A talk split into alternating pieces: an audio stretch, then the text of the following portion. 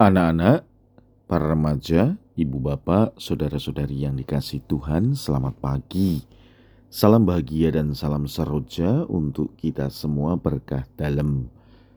Bersama dengan saya, Romantonis Gerbito Pambuaji menyampaikan salam dan berkat Allah yang Maha Kuasa dalam nama Bapa dan Putra dan Roh Kudus. Amin. Hari ini Rabu 7 Februari dalam hari biasa pekan biasa kelima Bacaan pertama dalam liturgi hari ini diambil dari kitab pertama Raja-Raja bab 10 ayat 1 sampai dengan 10. Bacaan Injil diambil dari Injil Markus bab 7 ayat 14 sampai dengan 23. Pada suatu hari Yesus memanggil orang banyak dan berkata kepada mereka, Dengarkanlah aku dan camkanlah ini. Apa pun dari luar yang masuk ke dalam seseorang tidak dapat menajiskan dia tetapi apa yang keluar dari seseorang itulah yang menajiskannya. Barang siapa bertelinga untuk mendengar, hendaklah ia mendengar.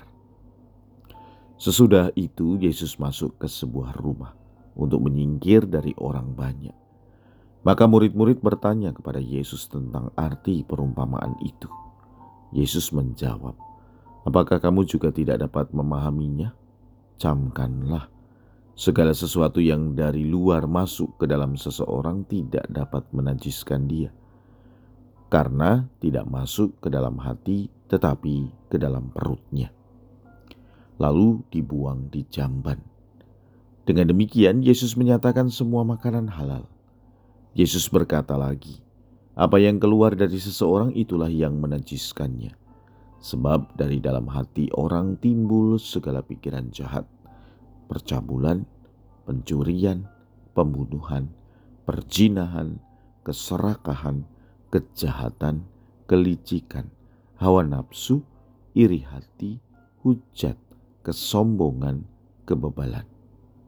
Semua hal-hal jahat ini timbul dari dalam dan menajiskan orang. Demikianlah sabda Tuhan.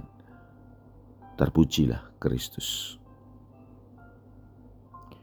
Saudara-saudari, sabda Tuhan hari ini mengajak kita untuk tidak berhenti pada sebuah prinsip dangkal, yaitu tentang najis tidaknya sebuah makanan yang masuk ke dalam mulut. Karena dalam kehidupan kita sehari-hari sering kali banyak orang hanya berhenti pada soal makanan itu halal atau tidak halal. Najis atau tidak najis masuk ke dalam tubuh kita. Prinsip ini hanya berhenti pada hal-hal duniawi yang profan. Prinsip ini sama sekali tidak menunjukkan sebuah kedalaman rohani.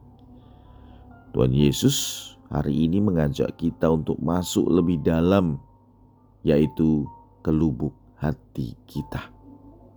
Ia mengajak kita untuk mampu mengelola atau mengolah hati, sehingga hati kita menjadi hati yang jernih dan murni.